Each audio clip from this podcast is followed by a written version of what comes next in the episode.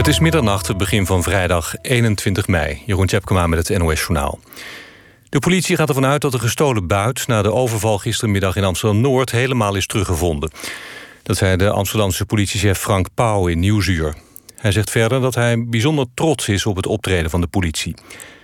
Pauw bevestigt dat de overvallers een Belgische en Franse achtergrond hebben. Tot nu toe zijn zes verdachten van de overval aangehouden. Twee raakten daarbij gewond, één verdachte overleed. De politie zoekt nog zeker twee andere voortvluchtige verdachten. Na elf dagen van geweld heeft het Israëlisch Veiligheidskabinet besloten om akkoord te gaan met een staakt het vuren in de Gazastrook. Dat melden Israëlische media. De wapenstilstand moet komende nacht om één uur ingaan. Ook Hamas is akkoord met het bestand, melden bronnen aan Israëlische en Arabische media. Het is de bedoeling dat Egypte bemiddelt tussen de partijen. In Ahoy in Rotterdam is de tweede halve finale van het Eurovisie Songfestival gehouden. Van de 17 landen hebben zich afgelopen avond net als dinsdag weer 10 landen geplaatst. Finland, San Marino, Zwitserland, Moldavië, Portugal, IJsland, Albanië, Servië, Bulgarije en Griekenland. Het liedje van dat laatste land wordt gezongen door de Utrechtse Stefania. De finale is zaterdag, dan treedt ook Jean-Guy Macroy op. Nederland was als winnaar van de vorige editie en organiserend land automatisch geplaatst. Ook vier landen die financieel veel bijdragen staan sowieso in de finale. FC Emmen is in de halve finales van de play-offs... na het nemen van strafschoppen tegen NAC Breda uitgeschakeld. De club is daarmee ook gedegradeerd. Na reguliere speeltijd stond het 1-1 en in de verlenging werd niet gescoord. De finale zondag voor een plek in de eredivisie... wordt daarmee een ouderwetse nek-nak. In de andere halve finale won NEC namelijk met 3-0 van Rode JC. Het weer minimaal rond 10 graden vannacht. Overdag overal afwisselend zon en wolken... met soms een bui met zware windstoten. Het wordt 14 tot 17 graden. Ook in het weekend wisselvallig en koel. Dit was het NOS Journaal. NPO Radio 1. VPRO. Nooit meer slapen.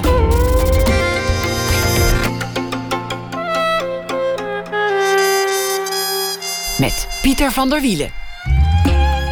Goedenacht, dit is Nooit meer slapen. Gewapend met raketwerpers, mitrailleurs en granaten verdween de geradicaliseerde soldaat de nacht in. Een klopjacht is uh, al lange tijd gaande. Zijn laatste dreigement was de Belgische viroloog Mark van Ranst een lesje te leren. Ten noorden van de grens op dezelfde dag promoveerde Nicky Sterkenburg op radicalisering en extreem rechts en presenteerde een boek met de titel Maar dat mag je niet zeggen. Jaren aaneen dronk ze koffie met verder beleefde mannen en soms vrouwen die allemaal een gelijksoortig wereldbeeld erop nahouden. Vaste waarden daarin witte suprematie, nationalisme en afkeer van de democratie. En vaak, maar niet altijd, zoete dromen vol geweld en chaos. Maar moeten we eigenlijk wakker liggen van dit soort geradicaliseerde types? En hoe radicaal zijn ze eigenlijk? Hoe serieus is dit allemaal? Nicky Sterkenburg is hier, geboren in 1984. Journalist en onderzoeker, schreef onder meer voor Elsevier deed eerder onderzoek naar jihadisme.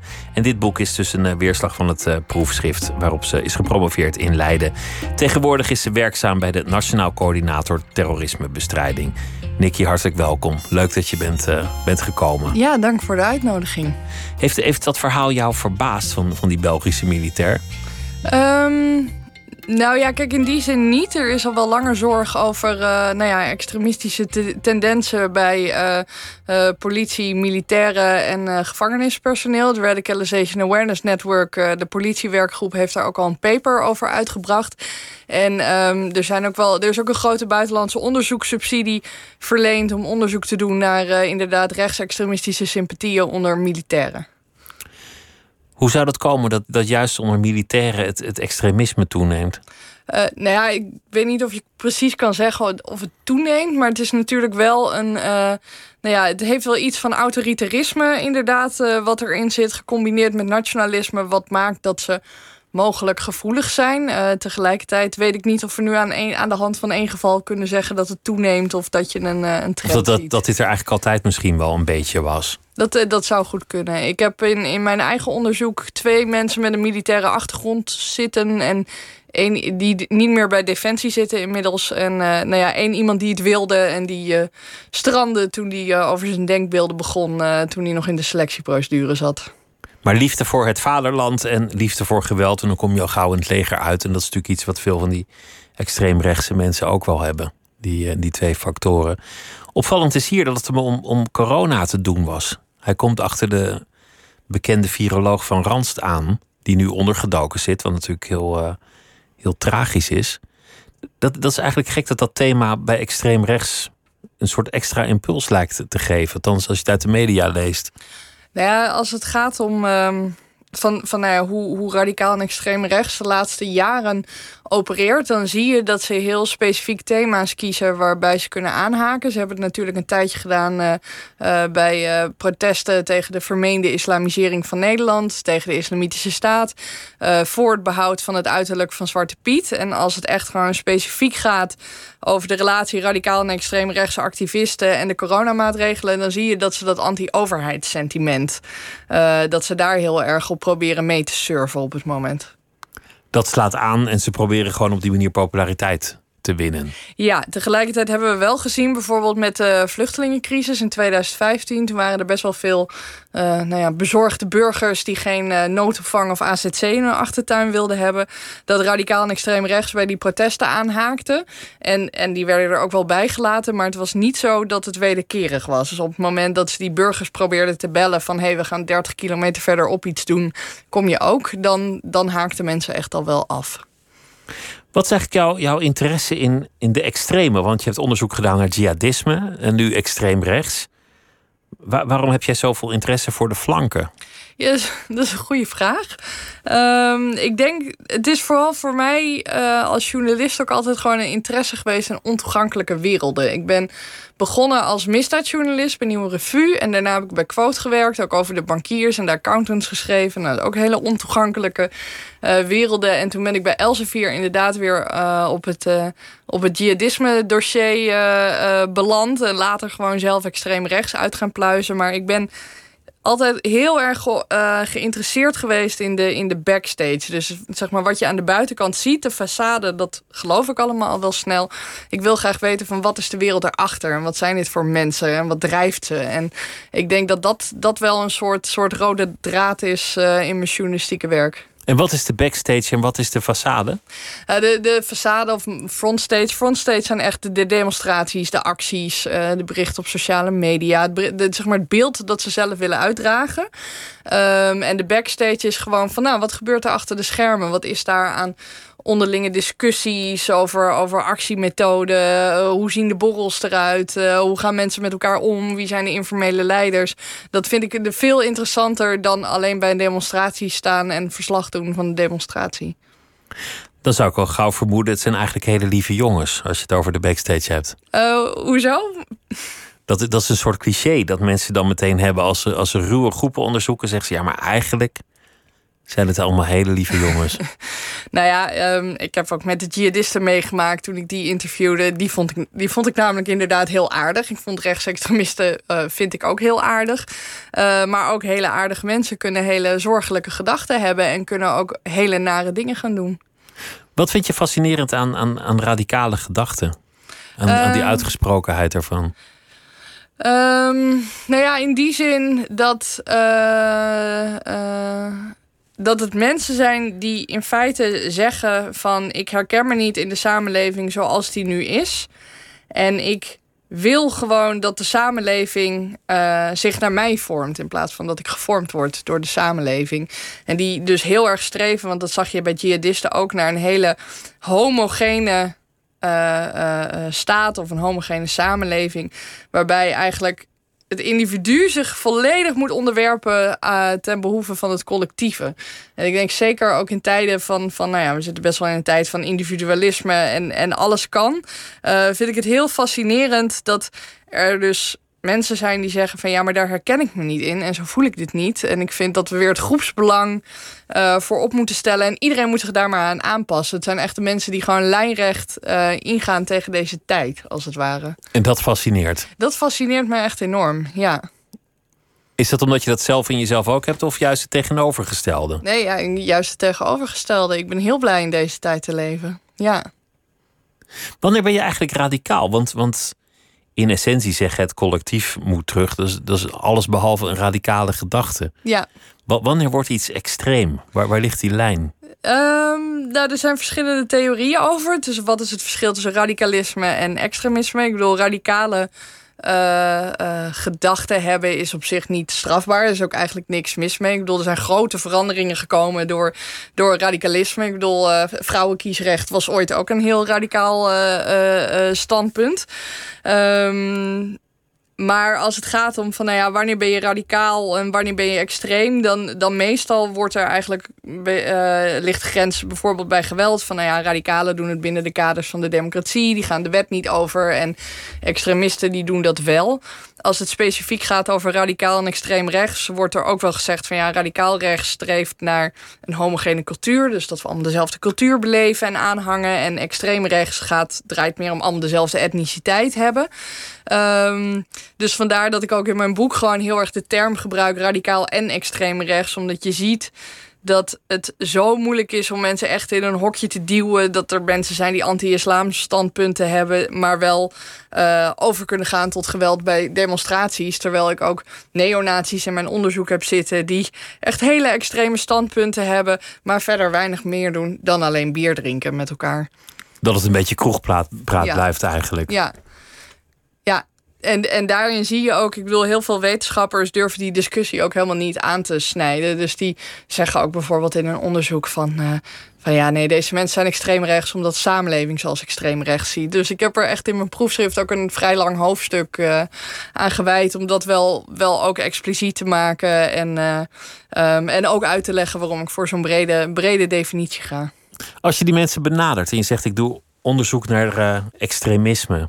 Voelen ze zich dan aangesproken? Zeggen ze dan, dan, ja, moet je mij hebben? Um, nou, ik, volgens mij schreef ik van ik doe onderzoek naar nationalistisch rechts en radicaal en extreem rechts. En, en daar, daar gingen ze dan wel vaak op in. Um, dus soms, daar voelden ze zich in aangesproken? Nou ja, sommigen die zeiden wel van ja, alles is tegenwoordig extreem rechts. Dat zeiden ze een beetje schertsend. Maar als ik dan langer met ze sprak en dan echt gewoon ook op de man afvroeg van ja, wat vind je ervan dat jij als extreem rechts wordt gezien? Dan gaven ze eigenlijk allemaal wel toe dat ze zich er wel in herkenden en dat ze ook wel. Um, nou ja, bepaalde denkbeelden hadden die gewoon echt strijdig zijn met de grondwet. Dat, daar konden ze zich allemaal wel in vinden. Ja.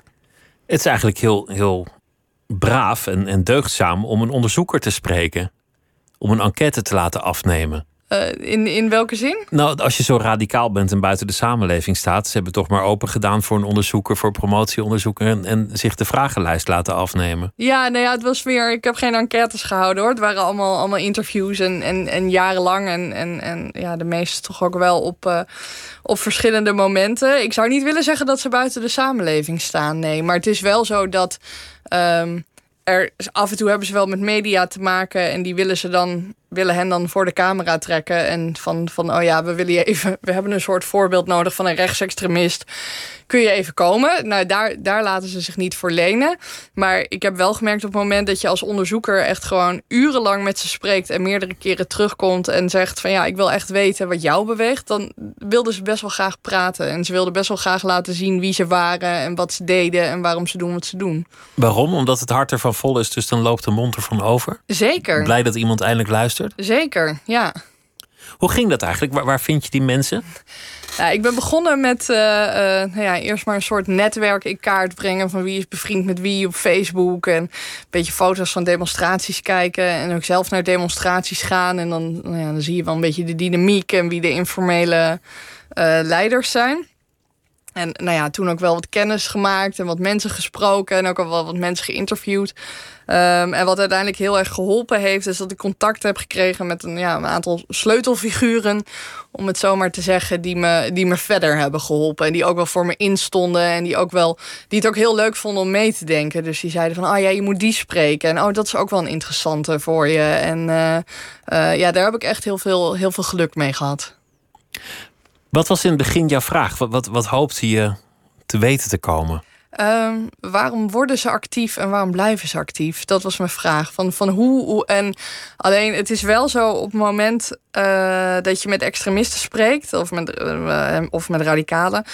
Dan die waarom-vraag, die, die, die, daar loop je op vast. Dus als je die vraagt, kunnen ze zelf niet echt beantwoorden. Nee, ja, dan, dan, dan krijg je echt horen, ja, omdat het helemaal kut is in Nederland. Of uh, dat soort dingen rollen eruit. Of ze ja, gewoon wat, wat, wat standpunten van de groep waar ze op dat moment bij staan. Maar als je dan rustig met ze gaat zitten en vraagt: hoe is het nou eigenlijk zo gekomen?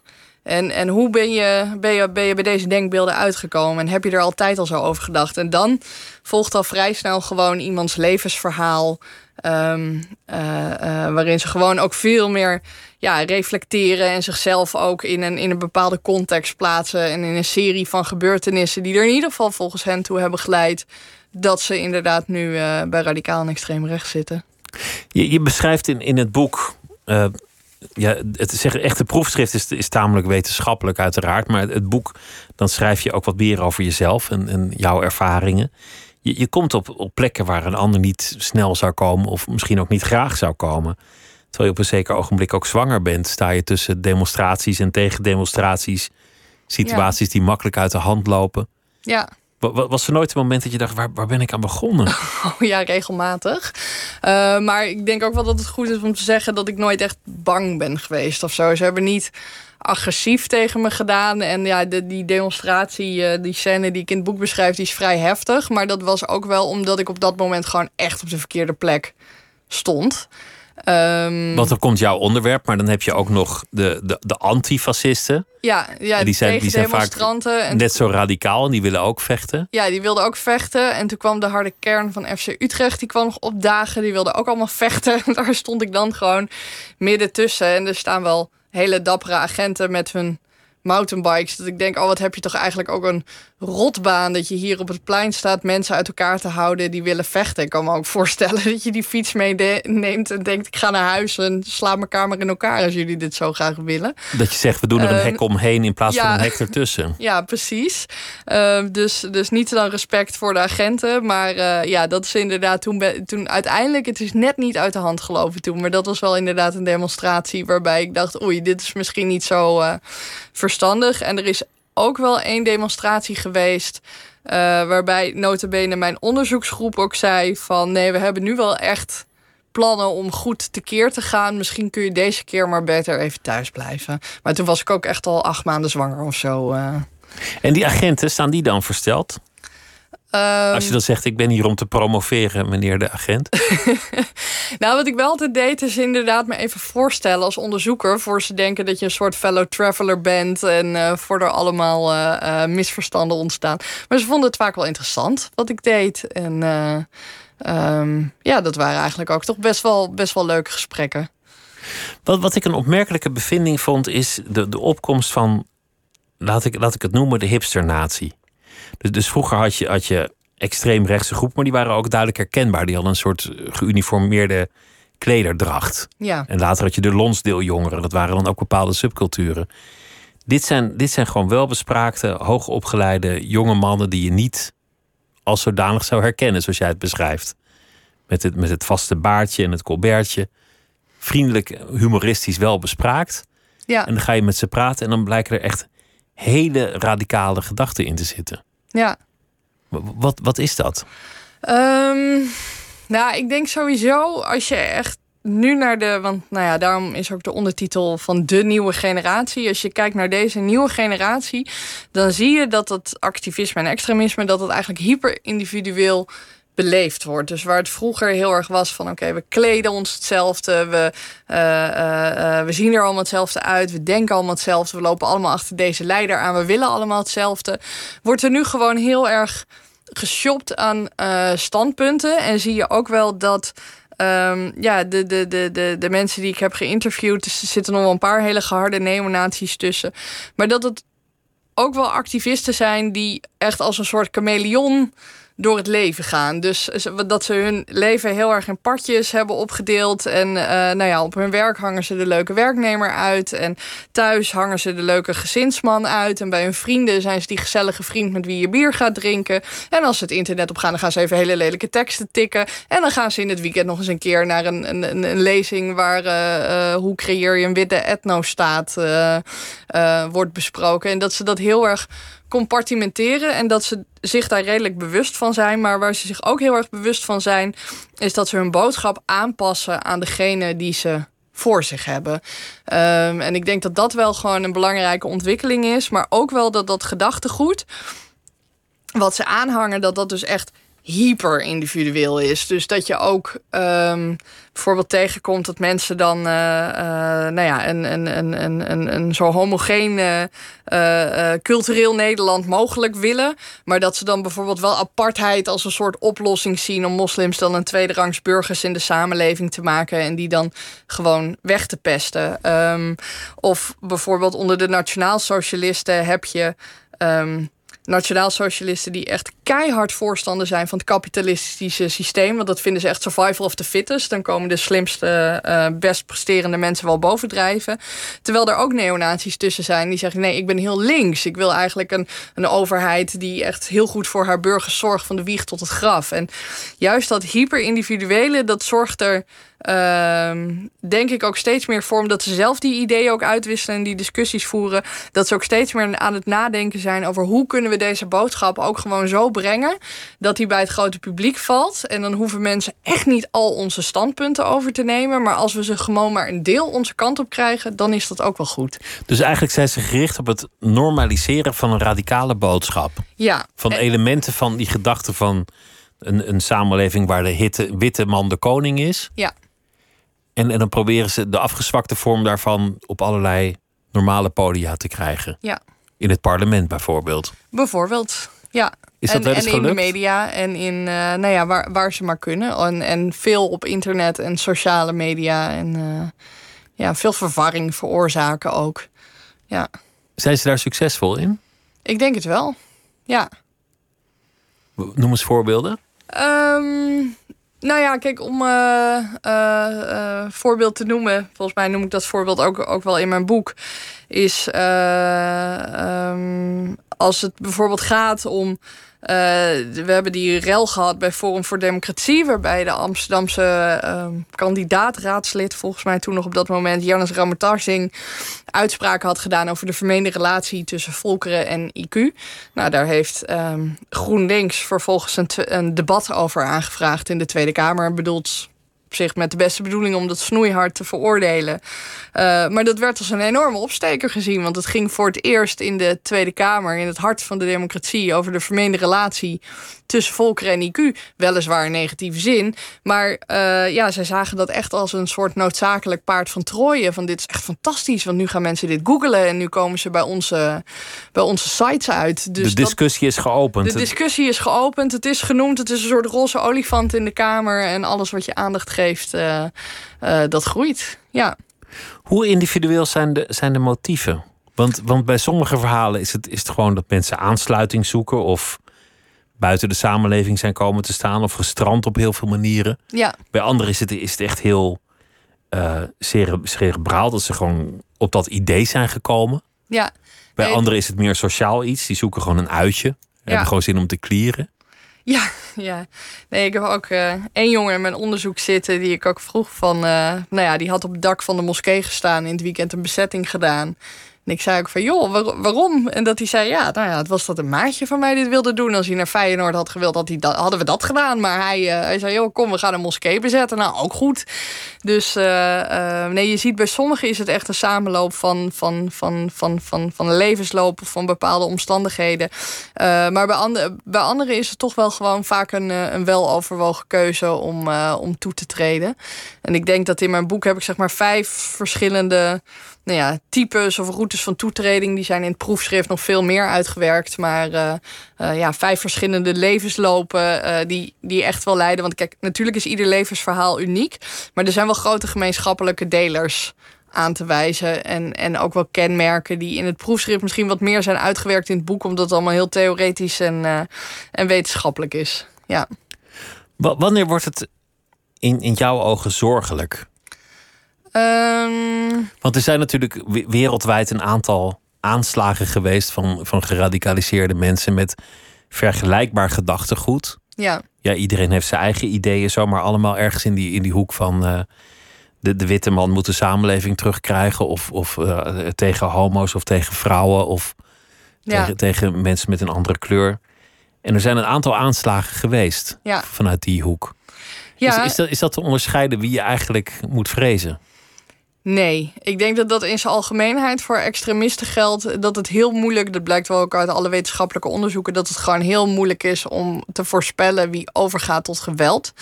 Uh, wat daar nog eens een keer bij komt, is dat rechtsextremistisch terrorisme, dat dat vaak operationele eenlingen zijn of hele kleine groepen. We hebben de NSU gehad in Duitsland, nou dat waren er dan drie. Nou, Breivik was operationeel handelende eenling, Tarrant was een eenling. Die twee daders van Halle en Hanau die we hebben gehad, dat waren eenlingen.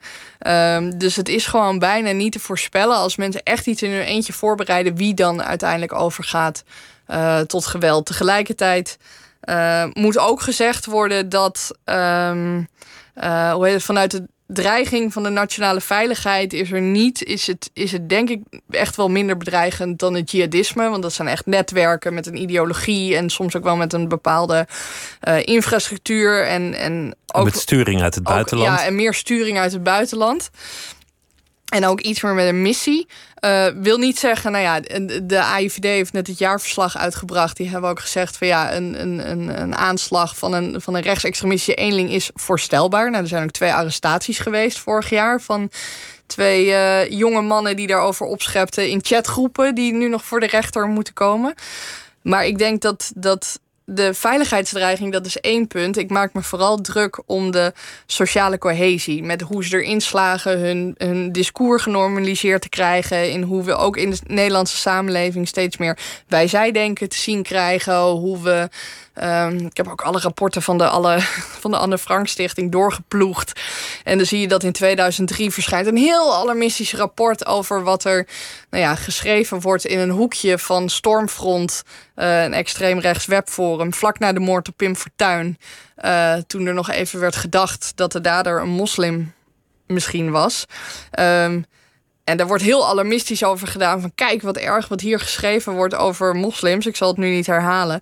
Nou, dat zijn nu dingen um, die zie ik nu gewoon wel dagelijks op Twitter voorbij komen als ik het, uh, als ik het openklik. En ik denk met name dat Um, dat het allemaal veel openlijker is geworden. Dat mensen gewoon minder terughoudend zijn. En dat je dus te maken hebt met een samenleving met een sterke digitale component. Waar je elke dag uh, dehumaniserend commentaar ziet. Waar je elke dag uh, ophitsende retoriek uh, voor je neus voorbij ziet komen. Waar bij elke dag je wel iets tegenkomt uh, van een bericht waarin gewoon überhaupt de aanwezigheid van etnische en religieuze minderheden wordt geproblematiseerd. Van die mensen die horen hier niet. Um, en dan denk, wordt het toch normaal. Ik denk, denk dat je... dat effect dat moet niet worden onderschat. Want mensen denken, goh, dat denken anderen ook zo. Dit kan je eigenlijk best denken. Ja. Dit is helemaal geen raar standpunt. Voor wie het inschakelt, Nicky Sterkenburg, die is hier en zij is uh, gepromoveerd op radicaal rechts en, uh, en extremisme. En ook heel lang gewerkt als journalist. Je, je noemde Twitter. Je, je hebt ook artikelen hierover geschreven. Heb, heb je zelf eigenlijk wel eens een, een zwerm van haat gekregen? Ja hoor. Ja. En hoe, hoe groot werd dat dan? Ehm, nou, ik heb het niet geteld. Maar ja, het zijn, het zijn honderden zijn het dan op dat moment. Ehm, en op een gegeven moment dacht ik ook voor mijn boek van ik ga dit nu gewoon eens een keer uitzoeken. Ehm, en dan blijkt ook wel, het voelt, het voelt gewoon echt als een soort enorme digitale lynchpartij. Het kan ook gewoon heel goed in werkelijkheid zijn dat het misschien twintig mensen zijn die allemaal 30, 40 uh, Twitter-accounts hebben. En ik ben er inmiddels ook wel achter dat aanvallen gewoon echt worden gecoördineerd en dat dat ook echt wordt afgestemd met elkaar. En uh, ja, ik zit zelf niet, uh, ik zit zelf niet in chatgroepen. Ik zit ook niet op Telegram. Uh, maar ik heb gehoord dat ik weer een klein stormpje kan verwachten binnenkort. Dat dat, dat nu daar. Om, wordt omdat je nu in het nieuws bent over dit onderwerp. Ja, er zijn, er zijn wat journalisten die ook in die groepen meelezen, inderdaad. Um, en die ook inderdaad zeiden van nou, er komt wel weer wat aan. Ja. En dat raakt je niet, want ze, want ze zeggen toch dingen. Er- kan toch altijd iets over die schutting komen. Ja, Ze maken opmerkingen over, over je, wat je eerder hebt gedaan over je privéleven, wat ze te weten komen, ja, oh ja, over, over je uiterlijk. uiterlijk. Dat ik een slechte moeder zou zijn. eh. nou, de eerste keer vond ik het echt heel indrukwekkend. En nu zet ik gewoon even mijn telefoon uit. En eh, ehm, ik open het. ik- Ja, ik heb ook wel redelijk goede kwaliteitsfilters overal op zitten. Dus bij Facebook landt dat in de box overige. En dan eens in de zoveel tijd klik ik dat even open om te kijken wat er, of er nog wat in zit. En nou ja, meestal zie je aan de eerste regel wel dat het. En dan delete ik het ook gewoon meteen. En eh, ja. Je, je hebt ook uh, geschreven over jihadisme. Is dat eigenlijk vergelijkbaar? Want, want radicalisering, je zou kunnen zeggen, is een soort proces waarbij het niet eens meer uitmaakt welke kant op. Um, maar bedoel je dan de digitale wereld of gewoon het radicaliseringsproces? De, het proces van radicaliseren op, langs hetzelfde traject verloopt, ongeacht welke kant je op radicaliseert. Ja, ik uh, zou graag die, uh, die vergelijking trekken. Ik heb alleen zelf de jihadisten gewoon niet diep genoeg geïnterviewd daarvoor. Dat was toch een soort andere insteek, omdat ik meer wilde weten van hoezo denken jullie dit? Hoezo zijn er mensen met tientallen tegelijk naar Syrië afgereisd? Van hoe kan dit? Het leek een soort rattenvanger van Hamelen. Dat ineens waren er echt tientallen Nederlandse uh, jongens en, en, en, mannen en vrouwen weg.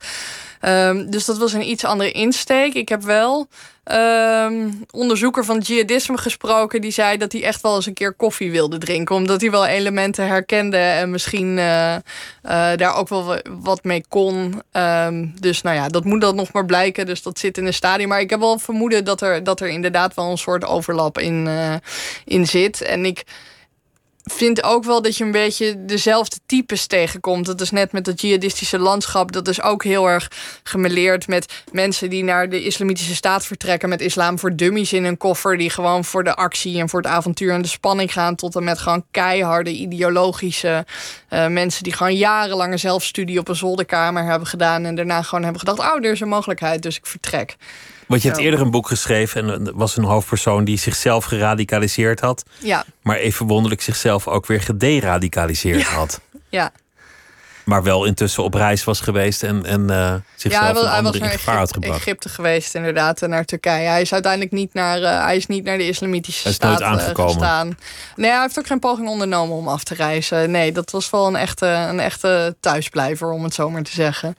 Ja, en ook daar, um, als ik zij, ja, ik zou hem wel onder bijvoorbeeld wel al die interviews die ik met hem heb gedaan, die zou ik wel gewoon één op één kunnen toepassen op het onderzoek dat ik, dat ik nu heb gedaan.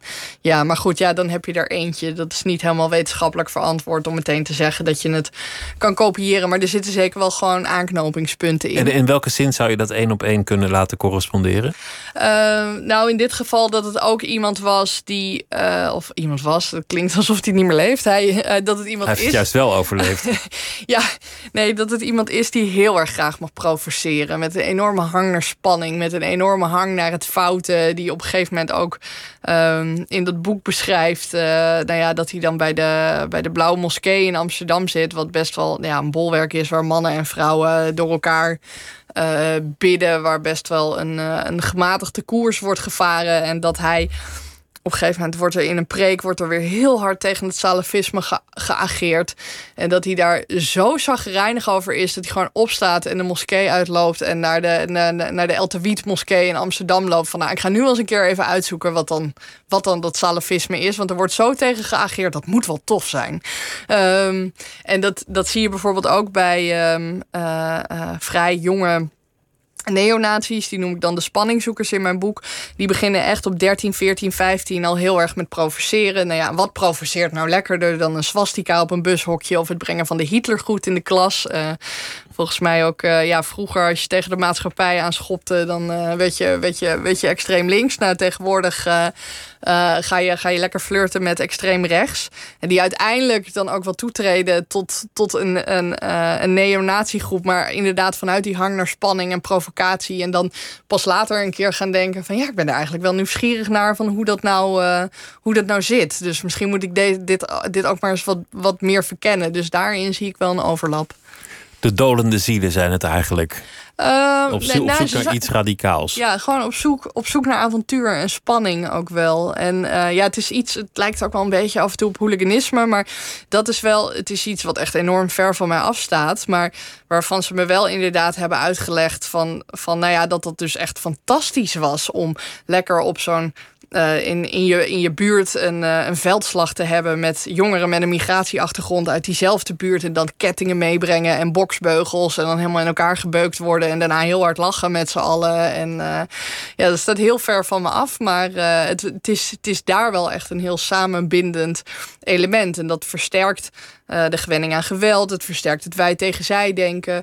En wat je bij dat soort jongens ziet, is dat ze op een gegeven moment die persoonlijke ervaring, dat ze dat koppelen aan of geschiedenis of aan politiek. En dat ze die persoonlijke ervaringen vertalen naar een soort grotere strijd. Waar zij dan ook onderdeel van, uh, van zijn. En vanaf, vanuit daar zie je ze dan ook echt wel toetreden tot neonatiegroepen op een gegeven moment. Een strijd tussen bevolkingsgroepen, tussen beschavingen. Ja. Dat soort dingen. Bij, bij jihadisme zit er ook, want Beatrice de Graaf was hier onlangs eh, over haar nieuwe boek zit er ook een, een hang naar zuiverheid in. Ja. Je, je zonde van je afwassen door het goede te doen. Door, door heel devoot in de religie te gaan en dan een radicale daad te stellen. Ja. Dat zie ik bij extreem rechts wat minder vormen. Um, ja, ik heb het daar ook wel eens met Beatrice inderdaad over, uh, over gehad. Um, ik denk wat extreem rechts verschilt van de jihadisten is dat de jihadisten die waren met name rondom ISIS en de tijd van het kalifaat waren ze heel optimistisch. Want wat zij hadden voorspeld of gehoopt of verwacht, dat stond nu eindelijk op het punt te gebeuren. En ik denk als je mijn boek uh, leest, dan als er één ding blijkt bij, die, bij uh, radicaal en extreem rechts, is dat ze er zelf niet meer in geloven. Dat zeggen ze ook de hele tijd. Van ja, nee, die, die nationaal-socialistische helstaat zal het wel niet meer worden. Of van ja, wat wij willen, ja, dat kan eigenlijk niet. Nee, dat gaat niet meer gebeuren. maar tegelijkertijd zie je wel een soort rotsvast geloof, inderdaad. Van de jihadisten voelen zich een beetje aangeraakt door, door God, als het ware, om dit te gaan doen. En bij radicaal en extreem rechts zie je wel een rotsvast geloof en vertrouwen. En daar ontlenen ze ook een identiteit aan. Dat zij de aangewezen persoon zijn om dit te doen. Want anderen uh, durven het niet. En tegelijkertijd heb je ook, uh, nou ja, wat ik in mijn boek dan de ideologische zoekers noem. En die streven ook inderdaad zo'n zuiverheid naar en zelfpurificatie. Dus die gaan heel goed sporten en heel gezond eten. En op vrijdagavond gaan ze Nietzsche lezen in plaats van naar de kroeg. En uh, daar zie je ook gewoon echt een soort superioriteitsgevoel ontstaan. Van oké, wij vinden niet alleen het witte ras superieur, maar ook binnen dat witte ras willen we superieur zijn. En die, die hang naar zuiverheid, ja, dat, zie ik, dat heb ik ook wel teruggezien bij sommige jihadisten die ik heb geïnterviewd. Dus daar zie ik ook wel inderdaad een overlap in zitten. Fanatiek worden, maar ook daarin denken dat je het rechte pad eh, gevonden hebt. Ja. Op een zeker ogenblik kom je de beweging Erkenbrand tegen. Ja. En dat is een beweging die vrij veel in het nieuws is geweest. Onder meer omdat uh, allerlei lieden in de achterban van Thierry Baudet er iets mee te maken zouden hebben, dan wel, dan wel niet. Dat, dat bleef een beetje in het midden, maar Ja. daar is veel op gespeculeerd. Wat is Erkenbrand eigenlijk? Ehm Erkenbrand is een studiegenootschap. Ze, zijn, eh, ze hebben zichzelf begin 2016 opgericht. Ehm, en het is een verzameling van voornamelijk mannen die nog nooit eerder bij radicaal en extreem rechts in Nederland hadden gekeken. Eh, niet omdat ze het gedachtegoed niet deelden, maar ze waren het gewoon niet eens met hoe het was vormgegeven. Ze vonden het te laag opgeleid, te stereotyp, het verkeerde soort nationalisme. Nou, ze hadden overal hun bedenkingen bij. En die dus eh, heel erg naar de Verenigde Staten hebben gekeken. Sommige eh, kijken ook wel naar de Nouvelle Droit-beweging in Frankrijk. Maar bijna niemand leest nog Frans tegenwoordig. Dus ook heel veel erkenbranders lezen geen Frans. Eh, dus, dus die zijn heel erg naar Amerika gaan kijken... naar hoe de alt-right zich daar manifesteerde. En omdat zij ook zeiden van ja, heel veel... Uh, radicaal en extreem rechts in Europa is gewoon te veel anti-islam gericht. Of je hebt meteen die keiharde neonazies, uh, waar we ons ook niet bij thuis voelen, omdat het gewoon laag opgeleide mensen uit de rafelranden van de samenleving zijn. Dus zij zijn veel meer gaan zoeken naar van nou ja, kunnen, is, kunnen we niet iets maken in Nederland wat gewoon een soort intellectuele tak is. Uh, uh, uh, waarbij we dus wel denken in termen van rassen, dat we wel die rassenleer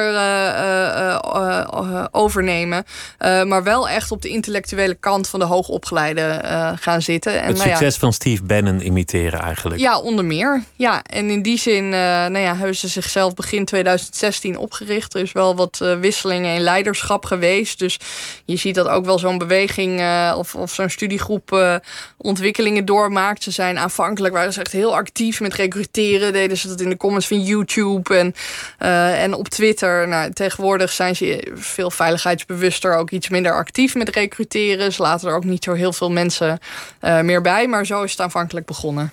Ja. Jij werkte toen bij Elsevier en toen was daar ineens een stagiair waarvan je erachter kwam dat hij daar ook bij hoorde. Ja. Terwijl die één bureau verder zat en wist welk onderzoek jij deed en, en ja, nou, jullie, vind, jullie werkten samen. wel heel gewaagd van hem. Ja. Hoe, hoe ging dat? Wat, wat, wat was dat voor jongen? Wat was dat voor verhaal? Nou, ik had, ik had een artikel over Erkenbrand geschreven, want het was in mijn onderzoek op mijn pad gekomen. En ik heb niet zo heel veel gepubliceerd over mijn onderzoek, want ik wilde dat ook wel een beetje gescheiden houden. Maar ik, ja, ik zag dit en ik had wat interviews gedaan. En ik dacht, dit is zo nieuw en uniek voor Nederland. Hier moet ik iets mee. Dus ik had een artikel geschreven over Erkenbrand, waarin een aantal geïnterviewden ook vertellen van nou ja, dat ze een, een burgeroorlog of een derde wereldoorlog verwachten. En sommigen die trainden daar al voor. En nou ja, dat artikel dat was op uh, vrijdag online gekomen, ook zonder betaalmuur. En op maandag zit ik op de redactie te tikken. En de iemand van de webredactie loopt langs. Die zegt, hoi, we hebben een nieuwe stagiair. Ik zeg, hoi. En die zegt nog, lekker artikel Nicky. Het heeft echt heel goed gedaan dit weekend op de site. En ik zeg, nog tegen hem, ja, ik loop al een tijd met extreem rechts mee. Maar dit vind ik echt doodenge mensen. Niet wetende dat die stagiair die daarnaast stond... dat die inderdaad ook van, uh, van Erkenbrand was. En later kreeg ik dus een mail van een anonieme tipgever... die dat inderdaad even kwam melden. En ik voelde me echt zo'n idioot. Want ik dacht, oh, ik ben ja, soort van echt een expert aan het worden op dit onderwerp. En ik herken daar eigenlijk nog niet één die recht achter me zit hier op de redactie. En ik ik was ook wel in paniek. Ik dacht van ja, wat moet ik nou doen? Als ik, als ik, wat, ja, ik moet dit melden. Maar ja, als die sowieso wel, omdat het zou hoe dan ook uitkomen. Ik bedoel, ik kreeg ook wel een beetje zo'n soort, die anonieme tipgever had ook een beetje onheilspellend erachter gezet. Van ah, zou toch zonde zijn als dit uitkomt, hè? Dus ik dacht, nou, dit gaat hoe dan ook uitkomen. Dus ik, dit, dit moet ook sowieso gemeld worden. Promotor bellen, hoofdredactie inlichten.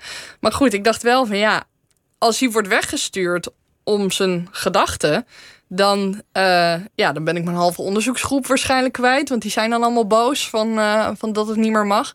Maar ja, als je, als je hem laat blijven, dan werk je misschien de suggestie dat je toegang tot Erkenbrand hebt gekregen omdat je een soort stagebureau uh, hebt. Maar goed, gelukkig, ik heb echt niks van doen gehad met zijn stage, ook niet met de beoordeling. Ik heb hem niet aangenomen. Dus dat, maar het is wel gek van Elsevier dat ze zo'n jonge stukken laten schrijven terwijl hij uh, halve nazistische sympathieën heeft. Dat je zegt, maak jij maar een mooie analyse van het buitenlandbeleid van Roemenië.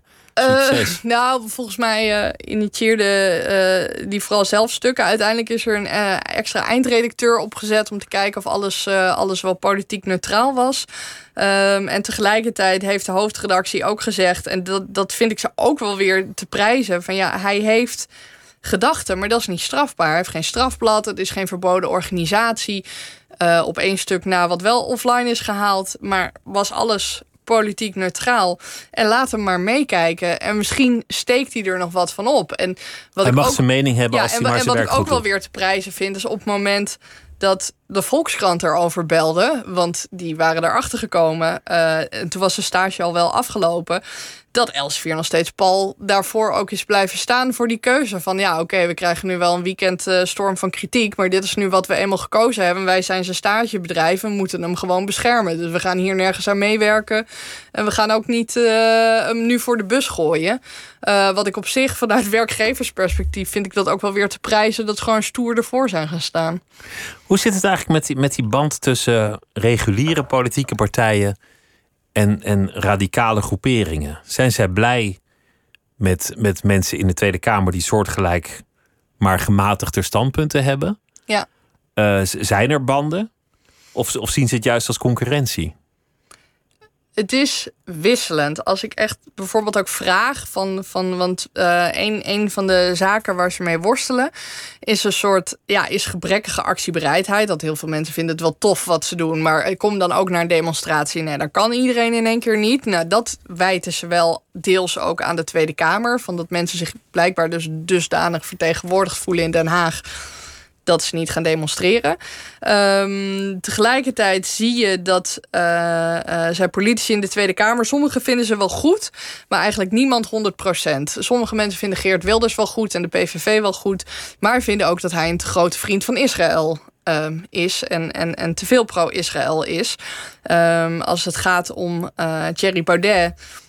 Ja, vinden ze hem, ja, die noemt zichzelf liberaal conservatief. Dus ze zeggen van ja, dat moet hij niet doen. Want uh, met name ook de, de, de etno-nationalisten, alt-right, die zien liberalisme echt als de bron van alle kwaad. Want toen ging iedereen individueel voor zichzelf leven en toen werd het collectief werd vergeten. Dus ze vinden het wel goed, maar er is niemand met wie ze zich uh, 100% uh, vereenzelvigen. Uh, nee. Het is toch te frivol allemaal. En tegelijkertijd zie je ook wel dat ze uh, erbij proberen te komen. Dat er zijn er is één iemand in mijn onderzoek geweest, of nee, er zijn twee mensen in mijn onderzoek geweest die ook echt hebben geprobeerd bij de PVV eh, te komen, op de lijst te komen.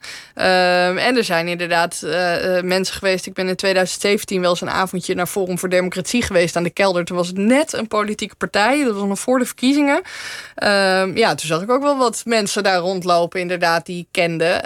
Um, hoewel Erke Brand laatst wel weer een stuk heeft geschreven dat het niet heilzaam is om politieke partijen te infiltreren en dat ze gewoon moeten gaan bouwen aan een, aan een brede volksbeweging. Dus dus, eh, er wordt wel geprobeerd bij aan te haken en om te kijken om te sturen. Maar ik heb niet het idee dat het tot nu toe super succesvol is geweest. Als je dan ook nog naar zulke avondjes gaat. Je hebt het onderzoek gedaan, al die interviews. En je werkte gewoon als journalist met, met je reguliere uh, klussen. En intussen uh, moeder geworden van twee kinderen. En al die avonden ook nog eens bijwonen en met die demonstraties mee krijg ik zo de indruk als ik je boek lees dat, dat jij gewoon echt nooit een moment van rust hebt. Ooit. Ja, weinig, ja. Zeer gedreven. Ja, ja, nee, ik lees wel eens inderdaad uh, interviews met vrouwen die dan zeggen dat ze 16 uur werken in de week. En dan denk ik, oh ja, het lijkt me eigenlijk ook best wel lekker. Maar dat, uh, dat, dat, dat, dat lukt me gewoon niet. En dat, dat merk ik nu ook op het moment dat nou, ik had proefschrift uh, ingeleverd. En toen moest nog even dit boek worden geschreven. Dus nou, dat heb ik ook allemaal naast een baan gedaan. En ik heb veel delen van het boek gewoon in de trein geschreven naar Den Haag. En um, uh, nou ja, nu is dat dus afgelopen. En ik, ik weet nog wel dat de eerste week dat alles was ingeleverd, stond ik nog stijf van de stress. Dat ik dacht, oké, ja, maar ik kan nu in bad gaan liggen en ik kan serie gaan kijken op de bank. En weet ik veel wat. Maar ja, dan na een uur dan word ik heel onrustig en denk, oh, ga je, ga je iets nuttigs doen voor de samenleving of zo? Ga je, ga je nuttig maken nu hier? Dus dat, dat is iets, dat wordt wel een uitdaging voor mij om, uh, om, om aan te wennen. Want dat is de grote drang die je hebt, dat je nuttig wil zijn voor de samenleving. Dat, dat is wat ja, erachter zit. Ja, en dingen doen waarvan ik vind dat ze, dat ze nut hebben. En ik voel me toch altijd een beetje. Uh, ja, wat dat betreft, uh, misschien is dat wel ook het raakvlak. Ik voel me toch altijd een beetje. Uh, in die zin schuldig als ik iets voor mezelf aan het doen ben. Ja. Kan je dat verklaren? Waarom het voor, voor het collectief moet zijn allemaal?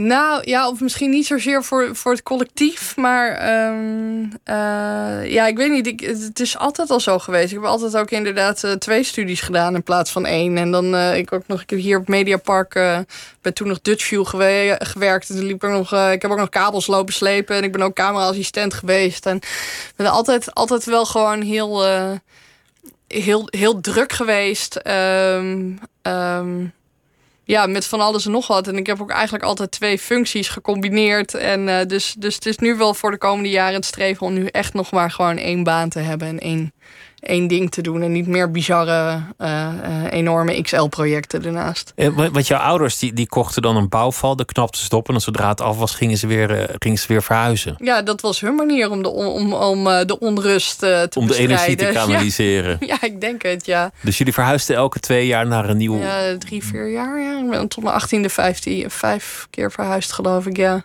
En in, in aanvang was het nieuwe huis altijd een, een soort puinhoop. Ja, ja. En uh, in, uh, nee, in de tent geslapen, in de schuur geslapen. TV hadden we vaak niet. Of het was zo achteraf dat we alleen Nederland 1, 2 en 3 hadden. Of de verbouwing was nog gaande, dus er was geen tv.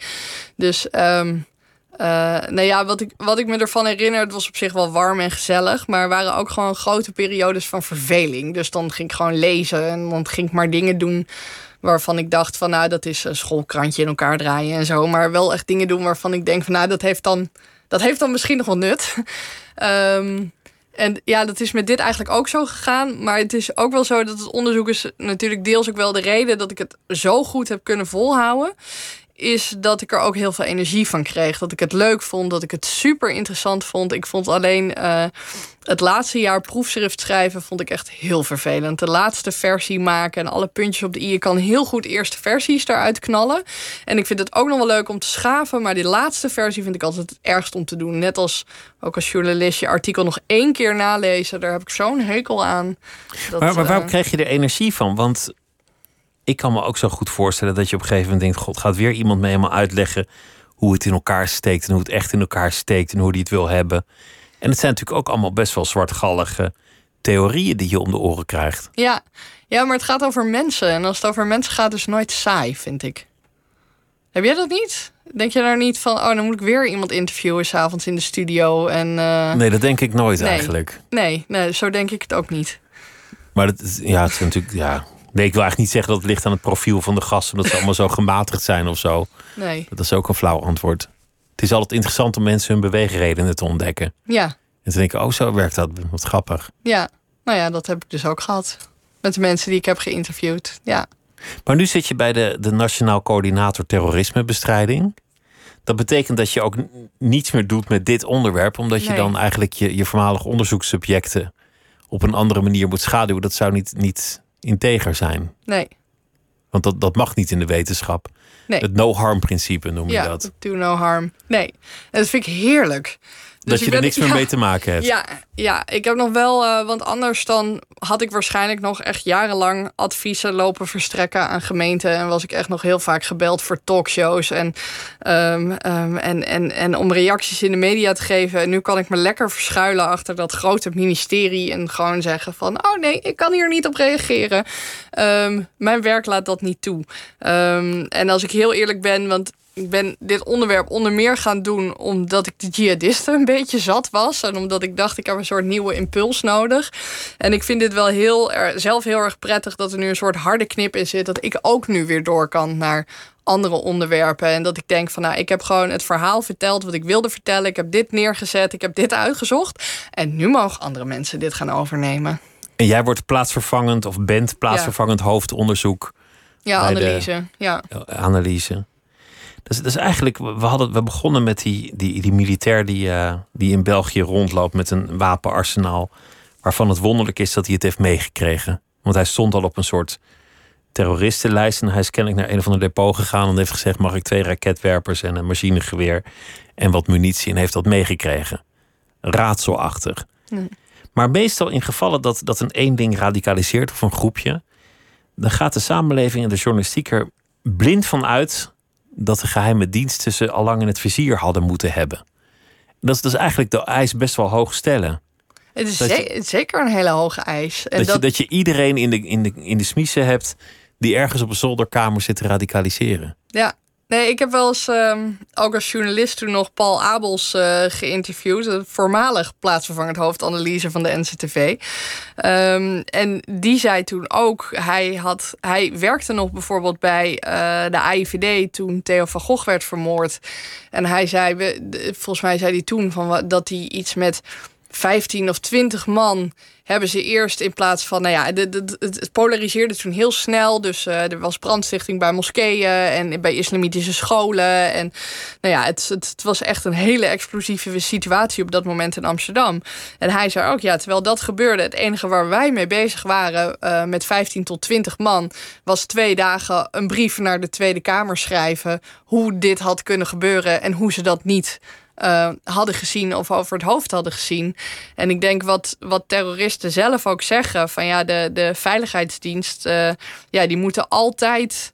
eh, gewoon goed zitten. En die moeten het altijd goed doen. En terroristen die hoeven maar één keer succes te hebben. Die kunnen gewoon twintig keer mislukte aanslag. Maar die ene, die ene aanslag heeft gewoon meteen het effect om die twintig andere eh, aanslagen die niet gelukt zijn te compenseren. Terwijl andersom, als je aan de andere kant staat, eh, ja, die ene aanslag die wel lukt, eh, ja, die, die doet meteen, met- meteen teniet, zeg maar, aan het werk van die andere twintig aanslagen die hebt voorkomen in, in theorie. En de terroristen hebben altijd een kennisvoorsprong, want zij weten waar de aanslag komt. Dus ja, je zit toch te gissen als, als je aan de andere kant zit. Ja, ja. Nou ja, goed. Dit, eh, eh, kijk, over mijn werk kan ik natuurlijk niet zoveel zeggen. En, en, en de NCTV is ook geen, eh, geen inlichtingendienst. Zij zijn echt een coördinator die dreigingsanalyses opstellen. Maar ik denk ook gewoon vanuit mezelf als journalist. Ik denk dat we allemaal verbaasd waren dat de grote aanslag die we in Nederland hebben gehad, Guk Mentanus, dat dat in een tram in Utrecht was. Ik bedoel, je kan je voorstellen qua aanslagen. Nou ja, je leest eh oh, haven Rotterdam of de Schipholtunnel of eh, eh, Amsterdam Centraal. Ik denk dat niemand had verwacht dat het in een tram in Utrecht zou zijn. Dus inderdaad, als het gaat Waarom niet in de- Utrecht? ja, waarom in een tram? Ja, Ja. het kan overal gebeuren. Het kan, Dat is echt, het kan inderdaad echt het overal angstaanjagende. gebeuren. En dat, dat, dat maakt het heel eng en, en, en, en, en onvoorspelbaar. En we zijn natuurlijk nog een aantal keer echt door het oog van de naald gekropen. Wat relatief weinig publiciteit heeft gekregen. Ja. Bijvoorbeeld op 13 november 2015. dat ze ook in Amsterdam wilden toeslaan. En we weten nog steeds niet precies wat daar is gebeurd. Maar een van de theorieën is dat ze hun Kalashnikov in de Flixbus hadden laten liggen. Ja, en um, nou ja, niet te vergeten de arrestaties op het, uh, op het vakantiepark in Weert. Die, uh, die, die, die, Arne, die Arnhemse zaak die al bezig waren wapens aan te schaffen en kunstmest aan te schaffen. En die daar al nou ja, met, met, met, met zelfmoordvesten rondliepen waar nog geen explosieven in zaten. Maar er waren ook wel echt serieuze plannen. Ze hebben nooit bekendgemaakt welk festival ze onder handen wilden nemen. Nee. Dit, dit soort onderzoek, wat jij doet, echt naar profielen en achtergronden van, van mensen met, met radicale gedachten. Helpt dat ook daarin, in, in terreurbestrijding? Um, nou, ik denk mijn type onderzoek heeft meer te maken dat, dat zeg maar, als het echt gaat van wat kan je er nou eigenlijk mee? Dan heeft het denk ik, is, is met name dit boek is meer een soort ondersteuning voor gemeenten, voor wijkagenten, voor sociaal werkers, voor docenten, voor iedereen die aan de voorkant zit, die aan de preventie kant zit. En, en meer de zachte krachten dan dat het echt uh, keiharde terreurbestrijding is. Um, maar dat, dat geeft niet. Ik bedoel, dat is natuurlijk ook een belangrijk onderdeel van het veld. Het is ook wel de reden bijvoorbeeld waarom ik mijn proefschrift tegen de stroom in ook gewoon in het Nederlands heb geschreven. Dat ik denk van ik heb liever dat die ene wijkagent dit misschien een keer denkt van hé, hey, laat ik dit eens lezen dan die ene professor in Amerika. Want die ene wijkagent die kan hier waarschijnlijk veel meer mee. Um, maar goed, ja, kijk, als het gaat om, om, om mijn werk nu bij de Nationaal Coördinator, dan zit dat niet alleen op terrorismebestrijding. Het is natuurlijk ook uh, uh, statelijke dreigingen die er zijn, cybersecurity, uh, economische veiligheid. Um, een, van de dingen die ik bijvoorbeeld daar heb gedaan, is, is dreigen elf kijken naar het, het beeld rondom de brexit. Van krijgen we hier ook enorme, enorme opstoppingen. En uh, uh, komt het aanleveren van, van essentiële goederen komt dat in gevaar als er superveel vertraging bij de douane zit. En dat soort dingen. Dus het, is, het hele thema nationale veiligheid is veel breder dan alleen terrorismebestrijding. Maar je bent dus tegenwoordig de hele dag met gevaar bezig ja, maar met alle ben, potentiële ben ik altijd al, Dat was ik als journalist ook. Dus wat dat betreft is er niet zoveel, uh, niet zoveel veranderd. Um, en er gaan ook gewoon een hele hoop dingen goed in Nederland. Dus uh, er zijn een heleboel dingen waarbij, die je nooit in de krant leest. Waarbij ik wel denk, nou, strak geregeld Rijksoverheid. Goed gedaan. Dus um, uh, nee, ja, wat dat betreft is, er, is er ook gewoon reden om, om optimistisch te zijn hoor. We hadden het over mensen die zichzelf radicaliseren en dan een andere vinden op het internet of zichzelf indoctrineren met, met radicale gedachten. Wat, wat je daarin toch steeds vaker ziet, is dat elke gedachte leverbaar is en dat dat internet, dat nu, nu toch al een, uh, een dikke kwarteel onder ons is, uiteindelijk een heel radicaliserende factor is gebleken.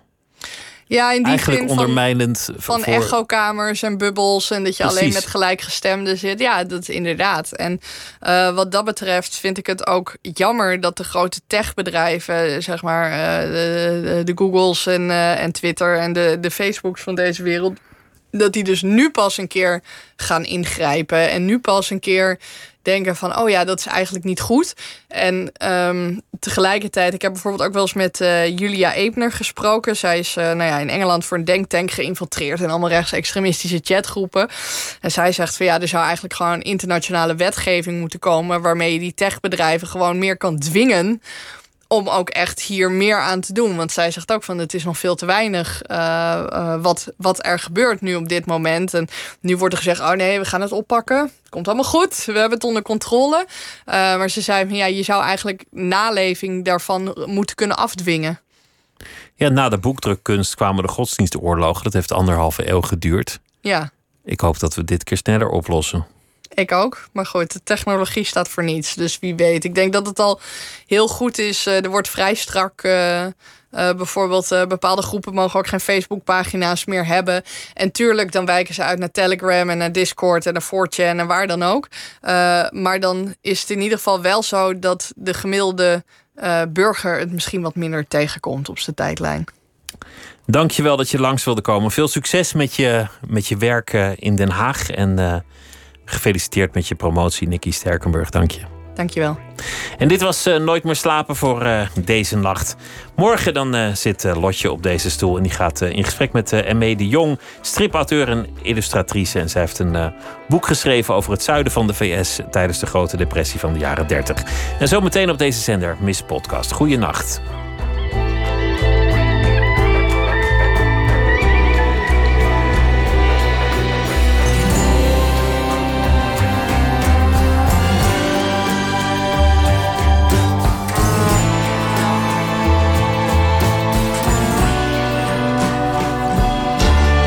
Radio 1. Het nieuws van alle kanten.